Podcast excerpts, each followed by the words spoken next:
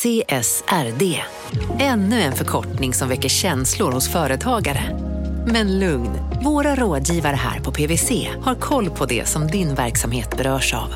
Från hållbarhetslösningar och nya regelverk till affärsutveckling och ansvarsfulla AI-strategier. Välkommen till PWC. Välkommen till Unionen. Hej! Eh, jo, jag ska ha lönesamtal och undrar om potten. Ja, om jag kan räkna med övertidsersättning för det är så stressigt på kontoret jag jobbar hemma på kvällarna så kan jag då be om större skärm från chefen för annars kanske jag säger upp mig själv. Och hur lång uppsägningstid har jag då? Okej, eh, vi börjar med lön. Jobbigt på jobbet. Som medlem i Unionen kan du alltid prata med våra rådgivare. Upptäck hyllade XPeng G9 och P7 hos Bilia. Våra produktspecialister hjälper dig att hitta rätt modell för just dig. Boka din provkörning på bilia.se xpeng redan idag. Välkommen till Bilia, din specialist på XPeng. peng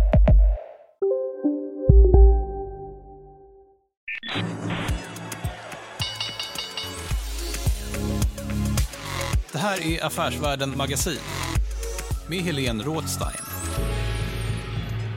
Hej och hjärtligt välkomna till podden Affärsvärlden Magasin där vi varje måndag fördjupar oss i affärsvärldens journalistik. Jag heter Helene Rådstein, jag är reporter på Affärsvärlden och nu sitter jag här med Stefan Dahlbo och du är vd för Fabege. Välkommen hit. Tack snälla.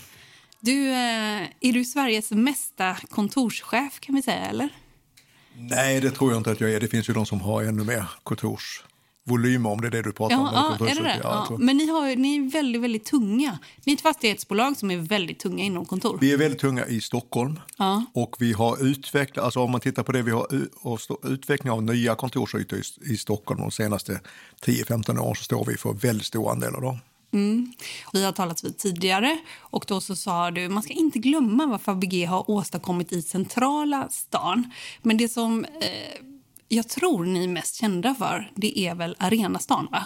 Jag tror det också idag. Ja. Att det som har hänt i Arenastaden sedan 2006-2007 är ju helt fantastiskt. Och för de som inte bor i Stockholm så får vi säga Mall of Scandinavia ligger där, Friends Arena ligger där, eh, Icas huvudkontor ligger där, Apotekets huvudkontor ligger där. SEBs stora kontor, inte huvudkontor för ligger inne i stan, men det stora kontoret, Telia, Vattenfall, det, listan kan göras jättelång på ja. stora företag som har stora kontor i Arenastaden. Och man får tänka då att det här är något som har hänt bara på de senaste vad ska vi säga, 15 åren så har det blivit en ny stadsdel. Väl? Hur kunde det gå så fort? Dels eh, Solna kommun, en Aha. väldigt bra kommun att arbeta med. Så de har ju varit, eh, också varit med och fattat beslut väldigt snabbt och många projekt har ju skett tillsammans med, med dem. Mm. Sen har ju det, drivkraften som har funnits i Fabege och den entreprenörskapen som, har varit som kännetecknar oss och har kännetecknat oss. Vi har ju en um, huvudägare som är van att springa snabbt, Erik Paulsson. Mm. Och uh, tillsammans med kommunen så har det här uh, men vi har varit handlingskraftiga. Men spelar det någon roll också att det är en mycket mindre kommun än Stockholm till exempel, där ni också är verksamma? Nej, men det har väl varit det här, det här var så naturlig plats också att verkligen skapa någonting på. Mm. Och sen hade vi, har vi ett, ett gäng, eller en organisation hos oss som har varit jätteduktiga på att hitta hyresgästerna och jätteduktiga på att genomföra byggprojekten och hitta samarbetspartners. Mm. För det har ju också varit många samarbetspartners där ute. Jag säger Mall of Scandinavia, men det heter ju Westfield Mall of Scandinavia numera, ja. ja. Eh, för de har bytt ägare. Men eh, bakgrunden till det här det är väl också man rev Råsunda och så skulle det komma till en ny... Nationalarena. Nationalarena, ja precis. För, Multiarena säger ja, man. En ja. nationalarena för Svenska ja. fotbollsförbundet och ja. som också kan användas som multiarena. Mm. Och jag menar, publikrekordet där ute, det var ju nästan exakt ett år sedan, Avicii-konserten. Mm. Var du där? Absolut, ja, det var fantastiskt. Nej, var du där? Ja. Aha. Har du någon favorit Avicii-låt? Många är ju fantastiska. Alltså det var ju, och den kvällen, ja, den var helt magisk. Det var sorglig på många sätt, men ja. den var också helt magisk. Mm. Men ni äger inte eh, Westfield Mall of Scandinavia, det hör man vilka som äger dem. Eh, men eh, ni äger ju faktiskt, ni samäger ju faktiskt arenan ju. Mm.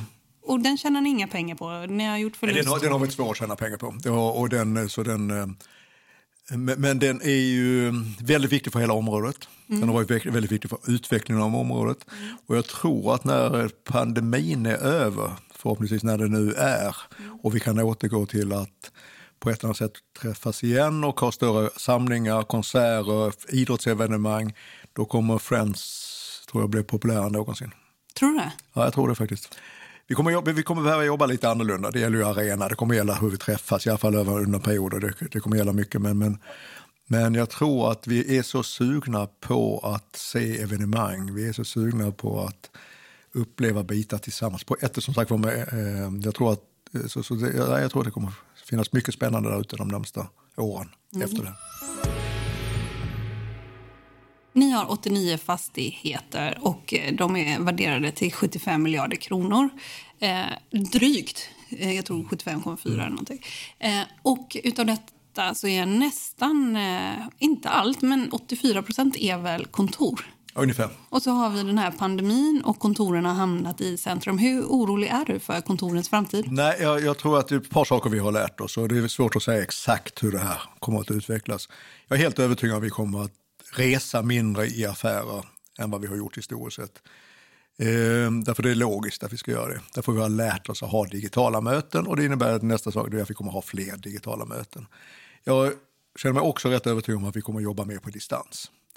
Men vad vi också har lärt oss under den här perioden, eh, tycker jag många stämmer, stämmer in i också, den, det är ju att uppskatta kontorens betydelse. Betydelsen av att träffas, att det dynamiska, det kreativa, småpratet, pratet vid kaffeautomat.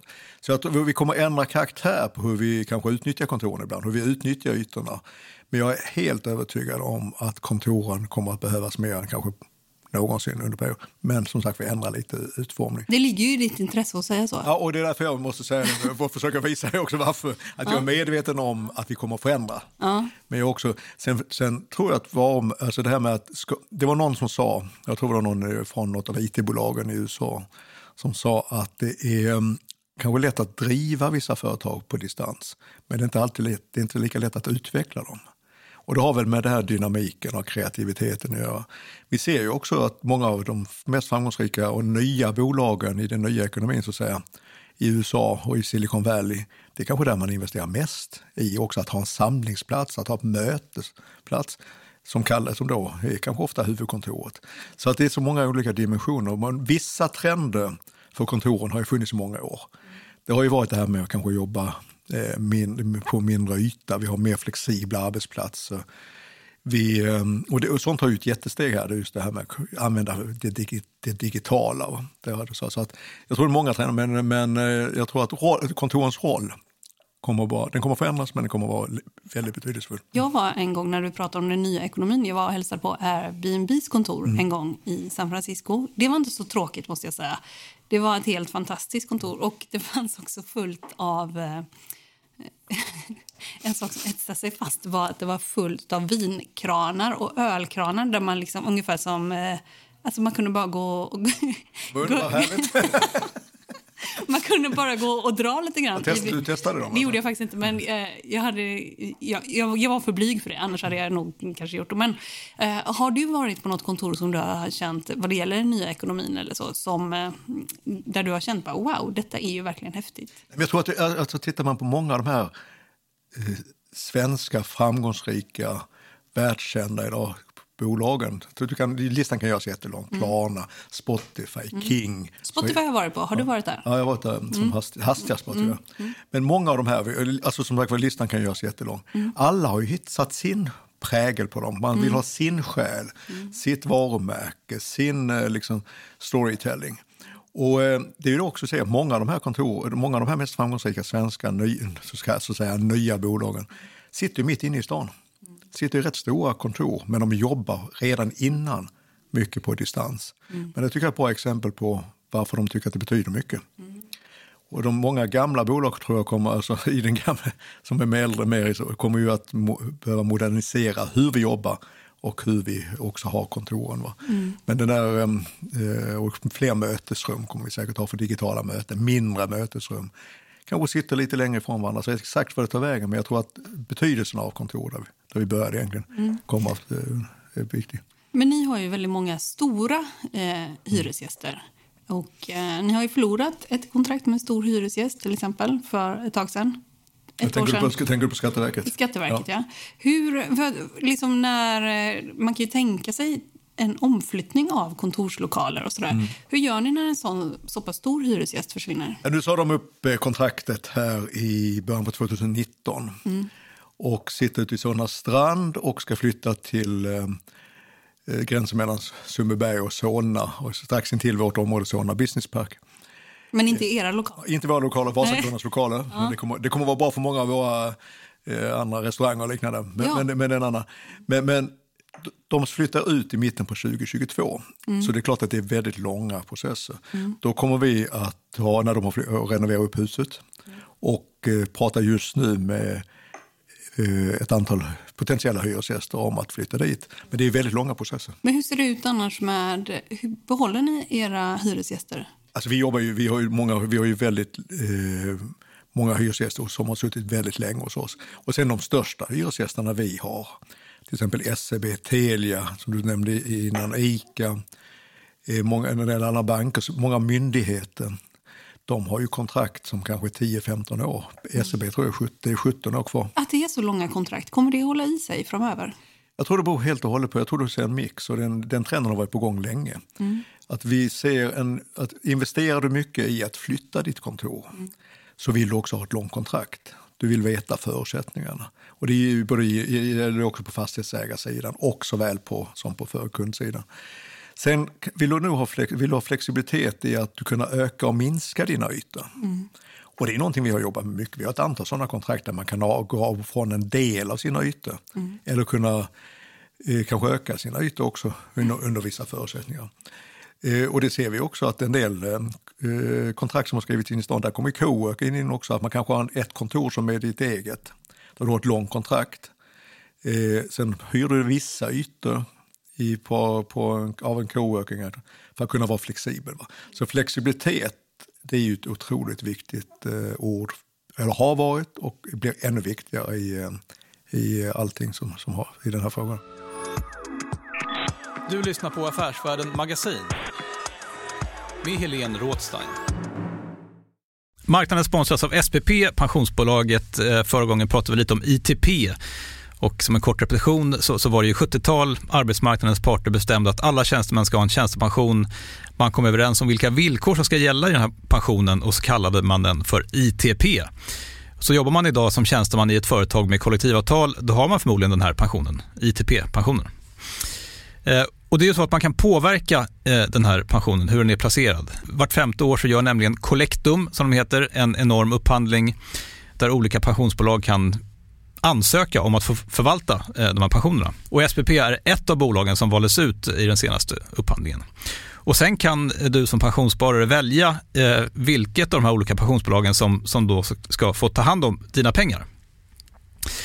Och tanken med den här upphandlingen det är ju att liksom kvalitetssäkra de här olika alternativen eh, men också att förhandla fram stora rabatter så att pensionsspararna ska få ja, kunna spara pengar genom att avgifterna eh, som är så viktiga eh, blir eh, lägre. Och vill man välja någonting i ITP-systemet då finns det en relativt ny sajt som heter avtalat.se. Ehm, där kan man gå in och se hur sin ITP-pension är placerad. Jag gjorde det häromdagen faktiskt. Ehm, Idén är att hälften av pengarna alltid ligger i något som kallas för traditionell försäkring. Det här gjorde vi ett avsnitt om i podden Kapitalet nyligen eh, som vi kallade världens bästa sparform. kan man lyssna på om man är intresserad. Eh, Den andra halvan eh, den kan man också lägga i en traditionell försäkring eller så kan man placera det i något som kallas för fondförsäkring. Eh, SPP som sagt eh, var ju ett av de fåtal bolagen som valdes ut i den senaste upphandlingen och de finns med som alternativ både med en traditionell försäkring och med eh, fonder. Så det var en liten bakgrund till ITP-systemet. Vill man läsa mer om det här eller typ kolla hur ITP-pensionen är placerad, eh, kanske göra förändringar, då går man in på avtalat.se. Eh, Men tack säger jag till SPP som vill göra oss människor mer medvetna om hur enormt viktig pensionen är för oss som en framtida lön, men också som en positiv kraft i samhället eh, och förstås för att ni möjliggör eh, den här podden Marknaden. Ni sålde ju två stora fastigheter i fjol. Och Det var DN-skrapan och det var eh, fastigheter som är nya tre, eh, Tres huvudkontor och eh, det ligger mitt emot Globen så har det uppkommit en länga med kontor är det ju faktiskt. Eh, och för det fick ni drygt 5 miljarder kronor. Vad ska ni göra för pengarna? Vad har ni gjort för pengarna? Ett har vi eh, förstärkt vår balansräkning rent allmänt. Så vi har dragit ner belåningsvärdet, eller belåningsgraden Till? Till, eh, ja, nu är den ungefär 35 procent. Alltså, Vi har 35 procent lån i förhållande till de totala värdena. Och, det, och ni har som mål att ha under 50? Ja, ja. Ja, så så vi, ligger- har en väldigt stark balansräkning. Ja. Sen har vi, köpt, har vi köpt två andra fastigheter som ligger mer i vårt fokusområde där vi också känner att vi har större utvecklingspotential. Både DN-skrapan och eh, tre, det vi kallar det Tres eh, huvudkontor. Det, det var två fastigheter som vi kände att vi, kan, vi kan inte som ägare bidra mycket mer till att utveckla dem utan eh, det ska ske lite, det, det, det kan de eh, och då kanske vi hellre titta på fastigheter där vi känner att vi har större potential att dra hela, nytta av hela vår organisation och vårt sätt att jobba. Sen har vi investeringar i projekt. Vi har som mål att investera en 2,5 miljard ungefär om året i projekt. Nu blir det lite mindre i år, kanske lite mindre nästa år, men över tid. Och i vissa år har vi i stort sett investerat 3 miljarder. Sen har vi köpt lite tillbaka lite aktier. Ja, För vi, vi såg det som en ni har ett återköpsprogram. Ja, men det har vi ju mer standard med, så att man har möjlighet att fatta beslut om upp till 10 procent om vi tycker att kursen är på de nivåerna. va. Men det som har hänt nu på aktiemarknaden och det har varit väldigt turbulent under året som alla vet ju. Och då har det ibland varit, tycker vi, läge att varit ett fantastiskt bra tillfälle för våra eh, för att åter, återköpa en del av våra aktier för att på det sättet skapa värde. Hur mycket har ni köpt för? Vi har väl köpt idag för ungefär 500 miljoner. Och det är ju fler som har gjort det. Det är Atrium Ljungberg och det är väl Fredrik Lundberg Ja, till och med huvudstaden har gjort det nu. Mm. Och vad ska man, om man ska förklara det, det handlar om eh, man tycker att kursen den är lite för lågt värderad i förhållande till fastigheternas värde kan man säga. Kan jag säga, är, är väldigt enkelt så är det att det handlas under det vi brukar kalla substansvärdet. Vi handlar det med rabatt.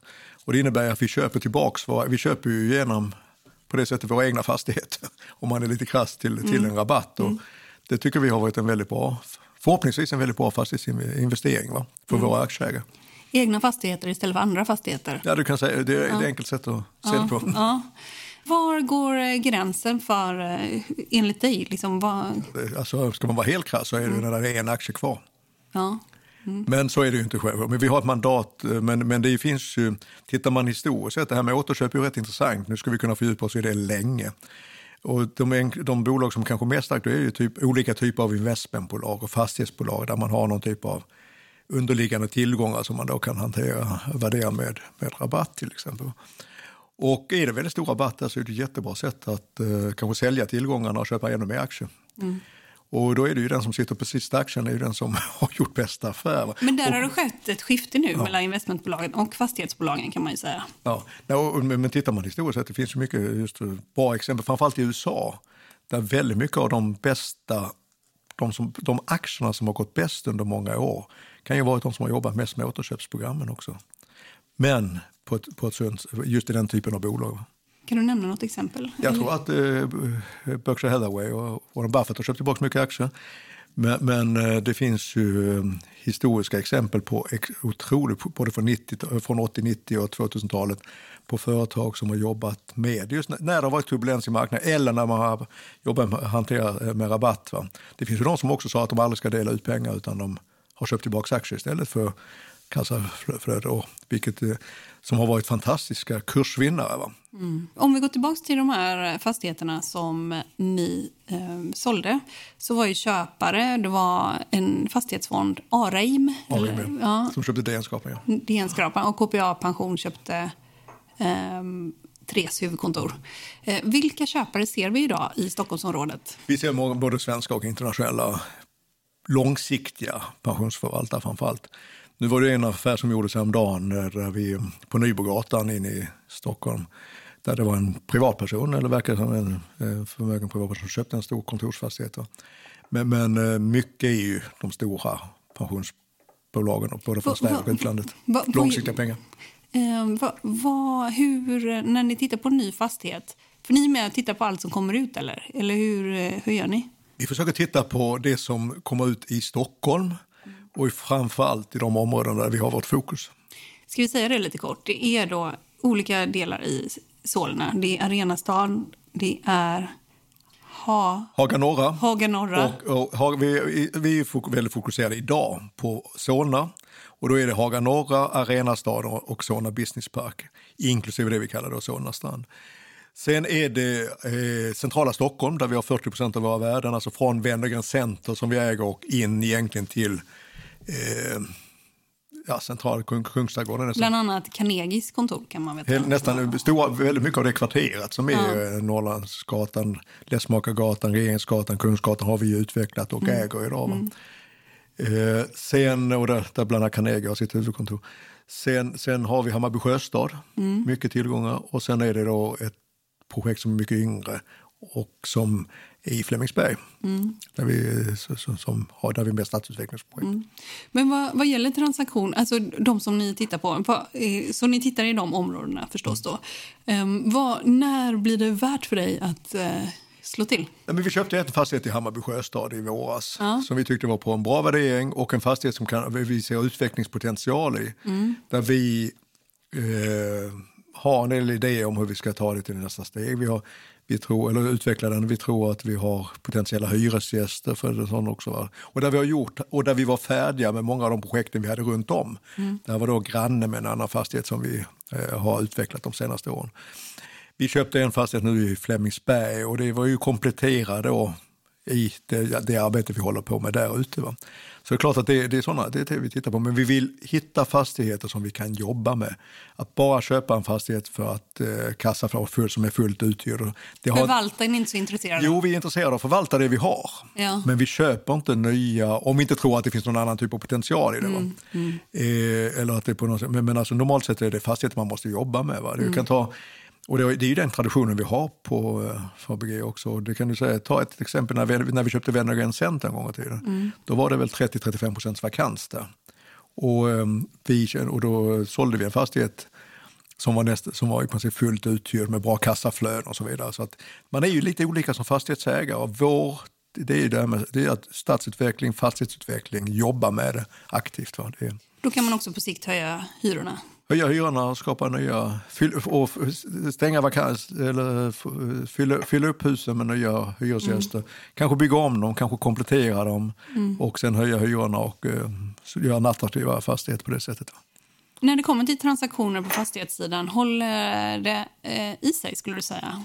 Jag tycker det har hållit i sig uh, förvånansvärt bra faktiskt. Om man ska. Och det beror väl också på att fastigheter fortfarande ger en bra avkastning kontra många andra tillgångar i den här lågräntemiljön vi har. Mm. Nu har det inte varit så mycket fastigheter ute till salu i centrala Stockholm och i våra områden eh, under den här sen i mars.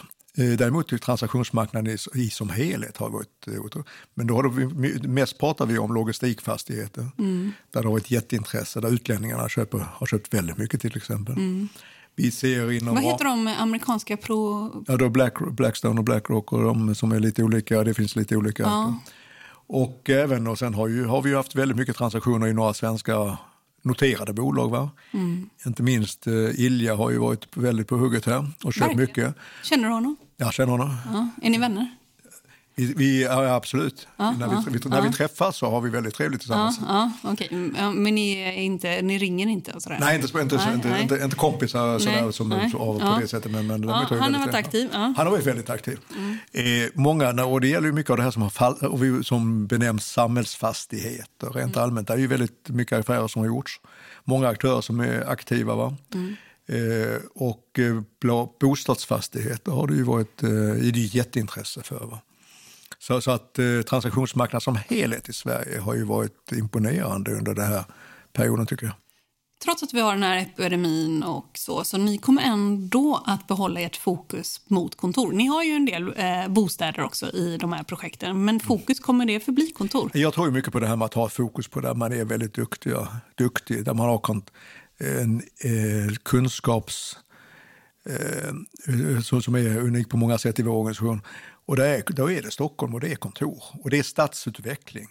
I stadsutveckling ligger ju det här med bostäder som du sa. Vi har ju ungefär en halv miljon kvadratmeter bostadsbyggrätter, alltså motsvarande kanske 8000 lägenheter på, under de här perioderna. Som, som vi, men där, har vi inte, där jobbar vi ofta i, tillsammans med någon annan idag. Mm. Att vi tar in och gör, gör något samarbete med någon som är specialiserad på det. Mm.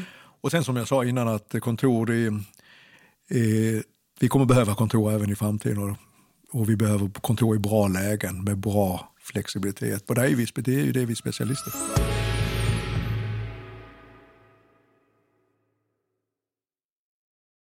marknaden sponsras av Karla. Eh, vi pratar ju en hel del om bilar här på kontoret. Eh, Karla har ju skapat, skulle jag säga, det som är standarden för hur man idag köper och säljer bilar på nätet. Eh, kort bakgrund bara. Eh, karla säljer och leasar begagnade elbilar eh, och laddhybrider på karla.se. Alltså en helt digital upplevelse. Och man har gjort det här med ett nästan maniskt fokus på vad en bilköpare faktiskt behöver. Jag gjorde ju en intervju med en av grundarna, Patrik Illerstig, i marknaden här eh, ganska nyligen, daterad 25 mars, om man vill lyssna på den. Eh, men där berättar han hur de kom in i det här lite från vänster för att försöka uppfinna hela den här liksom bilköpupplevelsen från början. Och de har idag, vilket är rätt otroligt, 4,8 i betyg eh, på Trustpilot. Jag, jag har sett många företagssidor på Trustpilot, men det här är nog bland eh, det bästa jag någonsin sett faktiskt. Man kan sälja bilen till Karla också. Eh, då går man in på karla.se, delar lite info om bilen, sen får man en gratis värdering och ett bud. De hämtar bilen helt gratis i hela Sverige och så har man pengarna på kontot i samma stund som de hämtar bilen. Det är grymt. Eh, så ska du köpa en ny bil eller sälja din gamla, eller båda delar för den delen, gå in på karla.se och eh, kolla. Alltså karla.se och Karla stavas med C. Tack så mycket till Karla. Du lyssnar på Affärsvärlden Magasin med Helene Rådstein. Du har varit vd nu i drygt ett år, mm. eller sedan 1 september 2019. Um, vad sa du när uh, er styrelseordförande Jan Littborn ringde och frågade ifall du ville bli vd för Fabege? Och vad tänkte du? Det är ett drömjobb på många sätt. Eh, så den, det, det var ju rätt. Men min, min stora var väl att jag hade, jag hade, det var ett lyxproblem på det sättet att jag hade ett fantastiskt roligt jobb när jag var vd på byggmästare Anders Jarlström. Mm. Och med otroligt bra kollegor, delägare och Mikael Ahlström som ordförande. Kaj Stading, Martin Bjäring och många av de som kallar Rosa som ägare, Georg Ernroth som, som är välkända för många andra, i många andra sammanhang. Och det, allt det vi gjorde om, sålde fast, jag hade sålt fastigheten där, gjort om det till ett investmentbolag var det. Ni, hade, ni ägde eh, fastighetsbestånd i Alby, Botkyrka? Ja, ett miljonprogram. Albyberget som man ser när man kommer in mot Stockholm, första bebyggelse man nästan ser. Lite ett Victoria Parker Hembla-upplägg. De vi sålde. Ja, vi ja. sålde ju det till det Carnegie eller Hembla då, som sen har gått ihop med... Bonovia. Ja. Och sen när ni hade sålt det beståndet, då gjorde ni ett investmentbolag? Då gjorde vi om det till... Vi tog, det var ett svårt beslut att sälja det för att det var ju, det var, vi såg ju en massa möjligheter och olika, men vi tyckte ändå att vi fick så bra värdering vid den tidpunkten. Mm. Och så vi drog, tog det till en bolagsstämma och så fick aktieägarna fatta ett gemensamt beslut om att vi skulle sälja det och att då göra om det till ett investmentbolag. Mm. Och det är klart att få jobba med att bygga upp ett investmentbolag nästan från scratch. Mm. Det, var ju, det, var ju, det är ju jätteroligt också. Ja, en dröm. Ja. För du har ju lång erfarenhet från investmentbolag. Du var ju eh, vd och vice vd på ska man säga, före detta Öresund, dåtida Öresund kan man säga. Öresund då var ju det som är Öresund och Creades idag i princip. Ja, alltså, ja. Så, så, att det, det delades ju sen något år efter jag ja, hade slutat. Ja, precis. Och, och inom den sfären, då Hagström och Kviberg, där var du i 19 år totalt. Ja, det är helt otroligt. Ja, och sen så, och det avslutades 2010 och det mm. var i samband med att HQ Banks banktillstånd drogs mm. av Finansinspektionen i augusti. Mm. Eh, och innan dess hade du gått in då som TF-vd för banken kan man säga och du försökte Ja, det var massa ni skulle rädda upp där. Centralt för detta var ju en tradingportfölj som ni höll på att avveckla då under mm. sommaren. Sen följde två rättegångar. Det var mm. en eh, brottsmålrättegång och den var den värsta va? Jag tycker ju det. Alltså. Eh, det, det var som man brukar säga, brottmål är liksom helt ofattbart. där man sitter i en situation där, liksom där man misstänks för grejer som man inte ens förstår knappt. För det var helt ofattbart. I civilmål där folk stämmer varandra och det handlar om pengar, det är en lite annan sak. Va? Det är liksom, det, var, eh, ja, kan du förklara? För det andra var ju skadeståndsmål. Eh, kan du förklara var, varför kändes det? Det var ju inte några små pengar heller. Varför var det så stor skillnad? Brottmål har ju handlat med att du ska ha gjort något olagligt och att du ska liksom ha gjort någonting som är på det. Eh, och det tycker jag var overkligt. Alltså när man, pengar är pengar.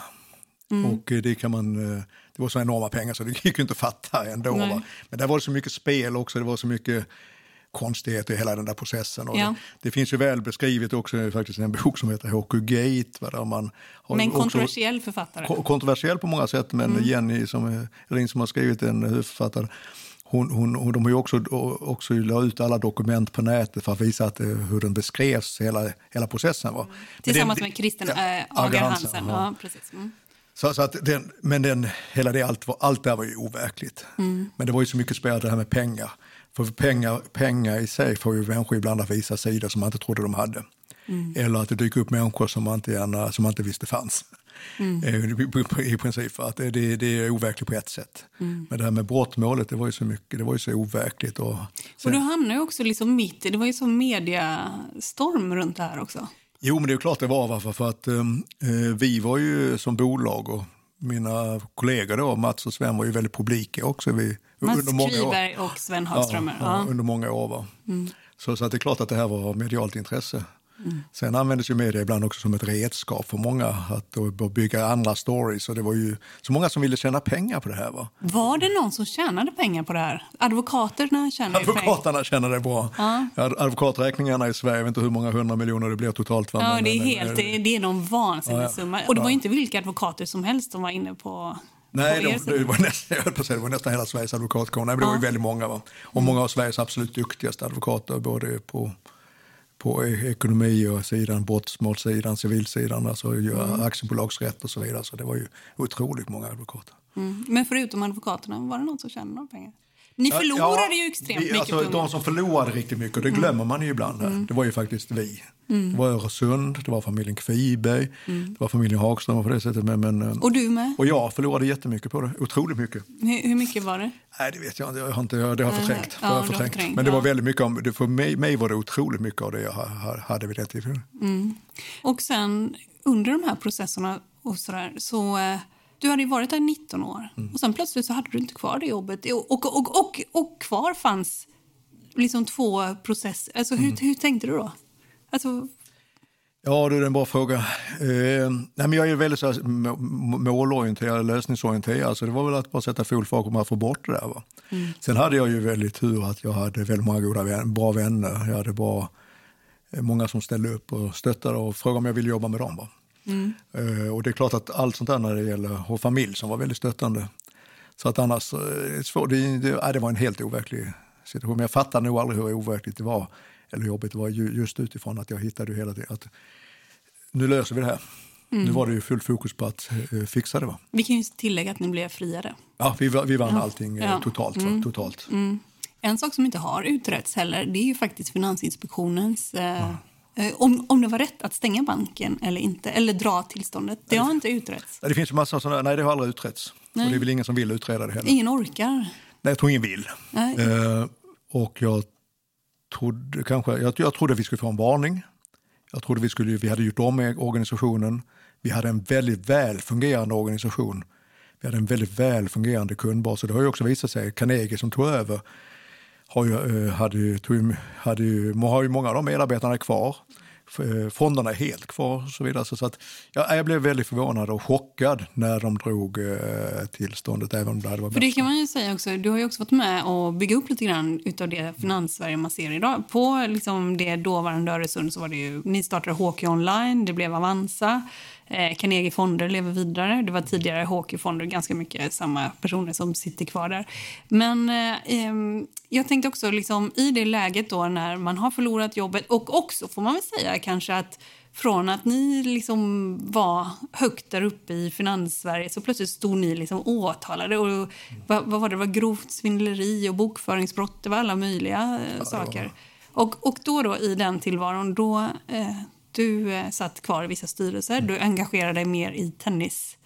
Svenska Tennisförbundet heter Ja, det. jag var ordförande i Svenska Tennisförbundet innan dess. Så det är klart jag fick ju lite mer tid att, under en period. Att, Ja, att, hände eh, det något med Tennisförbundet? Nej, men klart att det var ju många som ifrågasatte det där också. Men det hade ju, Ja, var det? vi hade ju väldigt, då, bland annat tidningarna. Men där hade jag ju en support av, eh, ett, som jag kände väldigt starkt från Tennis-Sverige, vilket jag är väldigt tacksam och glad för. Att vi jobbade bra tillsammans. Och de kunde skilja på de olika frågorna. Va? De kunde titta på. Eh, så, så att, men sen var det så klart att även där fanns det någon som försökte utnyttja det. Va? Och sen var det klart att det var overkligt, för vi hade ju Öresund hade ju gått väldigt bra i dem i tio år. Eller, sen Sven och Mats egentligen tog över de tio åren jag hade fått jobba med dem. Så var vi ju Sveriges bästa investmentbolag. Mm. Och vi hade otroligt bra, till, fantastiska tillgångar mm. i sig. Dels noterade portföljen som har fortsatt att gå väldigt bra. Vi, ägde, vi var första institutionella ägaren i Actne. Vi, hade, eller vi var största ägare tillsammans med entreprenörerna i Actne. Vi hade Klarna där vi var första institutionella ägare. Och så, så vi hade en jättespännande portfölj och den har ju, den har ju fortsatt att gå bra. Va? Mm. Så att det är klart att det var... Eh, ja, det var Mm. Men du var med och du, du, tog vissa konsultuppdrag, du satt i styrelsen och du satt också i ett, ett av styrelseuppdragen det var i värmländska, hur säger man, Värmek? Värm, Värmlands Mekaniska, mm. som vi, eller eh, kort Värmek. Mm. Och där vet jag att du var, liksom, när domen föll, så var du där på fabriksgolvet. Kan du inte berätta om den? Ja, vi var nere och hade styrelsemöte i Töcksfors, på, mm. nära norska gränsen, en bit från Karlstad. Mm. Eh, och eh, jag visste att domen skulle komma där. Om det var klockan, kommer inte ihåg vilken, det var 12 eller 1. Vad tittade ni på för något? Ja, då, var vi ute, då hade vi paus i styrelsen och var ute och tittade på fabriksgolvet, eller på, på, på paus och själva mötet var ute på fabriken och skulle titta på en ny anläggning där, eller en ny maskin som, de, som hade tagits i drift där ute. Och, eh, men jag gick ju samtidigt hade full koll på min telefon. För att, jag, för att jag, min advokat hade ju lovat att ringa när han hade fått domen. Va? Mm. Klockan ett? Klockan ett. Jag tror, jag tror det var klockan ett eller om det var två. Ja, det var i alla fall. Mm. Jag tror det var det. Och, eh, så att jag gick med telefonen i handen där. Och eh, sen ringde han och då gick jag ut och eh, då sa han bara vi har vunnit total seger. Och det visade sig, det var det också för de överklagade inte ens. Eh, och eh, ja, det var lite känslomässigt. Vad hände? ja, du kan säga det, det vad som hände det var väl att jag först blev väldigt glad och sen så öppnade sig kranarna och det kom väldigt mycket tårar. Du stod utomhus och, och grät helt enkelt? Ja, jag var stor, storskjuta. Ja. Vad tänker du, vad, vad har du lärt dig av hela de här processerna nu? Nej, men det är, en bit är väl hur mycket vardagen betyder, hur mycket man ska vara tacksam för vardagen. Vänner, vänner, familj och allt det. Och sen har jag också lärt mig att det finns många som kan göra vad som helst för pengar, inklusive ljuga. Jag vet att du sitter ju i det investmentbolaget som kom sen, om vi lämnar Öresund och sådär. Eh, Anders J Ahlström.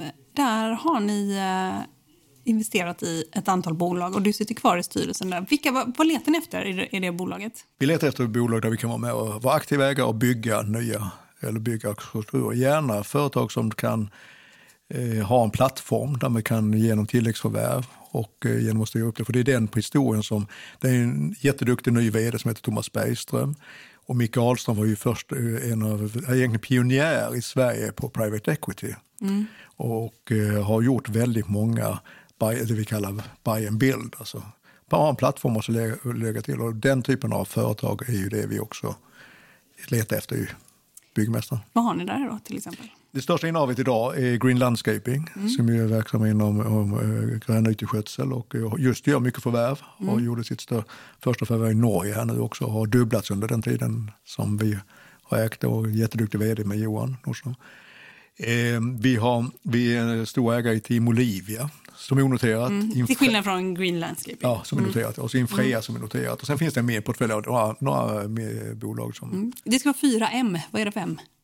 4M, ja, det, det, dels är det ju det man, alltså människa, att det ska vara bra människor. Eller vi ska säga, liksom jobba med Eh, Eh, det är eh, market, det ska finnas en marknad för produkterna. Vi, ska förstå, vi vill gärna förstå verksam, för produkterna, förstå verksamheten. Alltså vi, vi är nog inga, I det bolaget är vi inga riktigt bra kanske hög, högteknologi eller biotech eller medtech utan förstå produkt och marknad. Sen är det money, att det ska vara en värdering som vi tycker att vi ska se en potential i det hela. Och sen moat, brukar vi säga moat, alltså att hitta en unikitet så att det kan byggas här att man, att man inte, vem som helst kan, kan inte gå in och börja konkurrera från gatan utan att det finns möjlighet att bygga vallgravar och liknande. Eh, på, på ett annat sätt, att det är unikitet i det hela också. Och där, de pengarna som ni fick från försäljningen, hur, hur mycket har ni kvar? Det är en jättestor kassa. I, mars tyckte vi, uh, tyckte vi att idag så klart varför, varför, varför vi inte investera mer? Nej, men skämt vi, har tagit, vi, vi, vi är ju väldigt långsiktiga där. Och vi har uh, 40 procent i kassan ungefär. Ja, och hur mycket pengar är det? Vad är det idag? 450 miljoner och sånt där va? Ja. Är inte det? Mm. Jag, säga, jag, har inte, jag har inte kommit exakt ihåg för att det, det är någonstans där, knappt, knappt en halv miljon. Vad tror du nu om vi återvänder bara till Fabege där du är nu ett år framåt. Mm. Eller, ni bygger ju faktiskt kontor och utvecklar. Om vi tar Flemingsberg som ett eh, exempel så pratas det ju ibland om att det ska bli lite som nya Arenastan om vi ska återvända dit. Fast det finns ju helt andra förutsättningar. Det finns ingen jättestadio och sådär. Det är lite mindre skala kanske, eller vad säger du? Det är andra förutsättningar. Mm. Och det, det, är väl det som är så viktigt att komma ihåg. att eh, Solna, Arenastaden, hade sina förutsättningar. Flemingsberg, Huddinge har andra förutsättningar. Mm. Det är redan idag en otrolig plats för utbildning med högskolan, med KTH, med eh, Karolinska, mm. eh, sjukhuset där ute. Vi har väldigt många boende mm. som bor där du har, du har tåget och såväl som kommer att investeras i. Och så har du då Flemingsbergsstaden där vi håller på som är egentligen ett industriområde och med väldigt mycket eh, tom mark. Så att säga. Så att det är ett helt annat, vi där ute ser jag mer att det är mycket medelstora företag, mindre företag. Det behövs, det behövs nya moderna kontor i ett bra läge söder om stan. Hälften av alla stockholmare bor ju i princip, eller som bor i Storstockholm, bor ju söder om city. Va? Eh, och, eh, och det finns många mindre, små och medelstora företag som behöver och letar nya, mer moderna kontorslokaler där nere. Plus att jag tror att vi kommer att se en hel del, kanske några av de större bolagen som är etablerade norr om stan som nu kanske börjar prata om att man kanske skulle ha ett second office eller ett andra kontor söder om stan för att, eller de som har norr om stan kanske vill ha söder om stan därför att vi kanske kommer att vilja pendla lite annorlunda efter det här också, pandemin. Eh, och eh, pendlingen är ju ofta den trånga sektorn för utvecklingen av en eh, urban miljö. Mm, mm. Jag säger tack till dig, Stefan Dahlbo, för att du kom och var med i podden Affärsvärlden Magasin. Tack.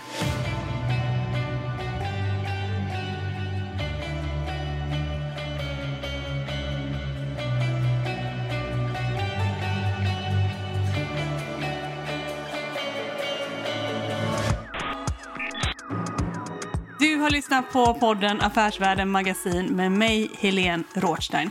Alla som vill läsa om lite olika siffror, gör det på www.affärsvärlden.se. Där finns en intervju med Stefan Dahlbo och eh, där finns också en analys som är ganska färsk på Fabege.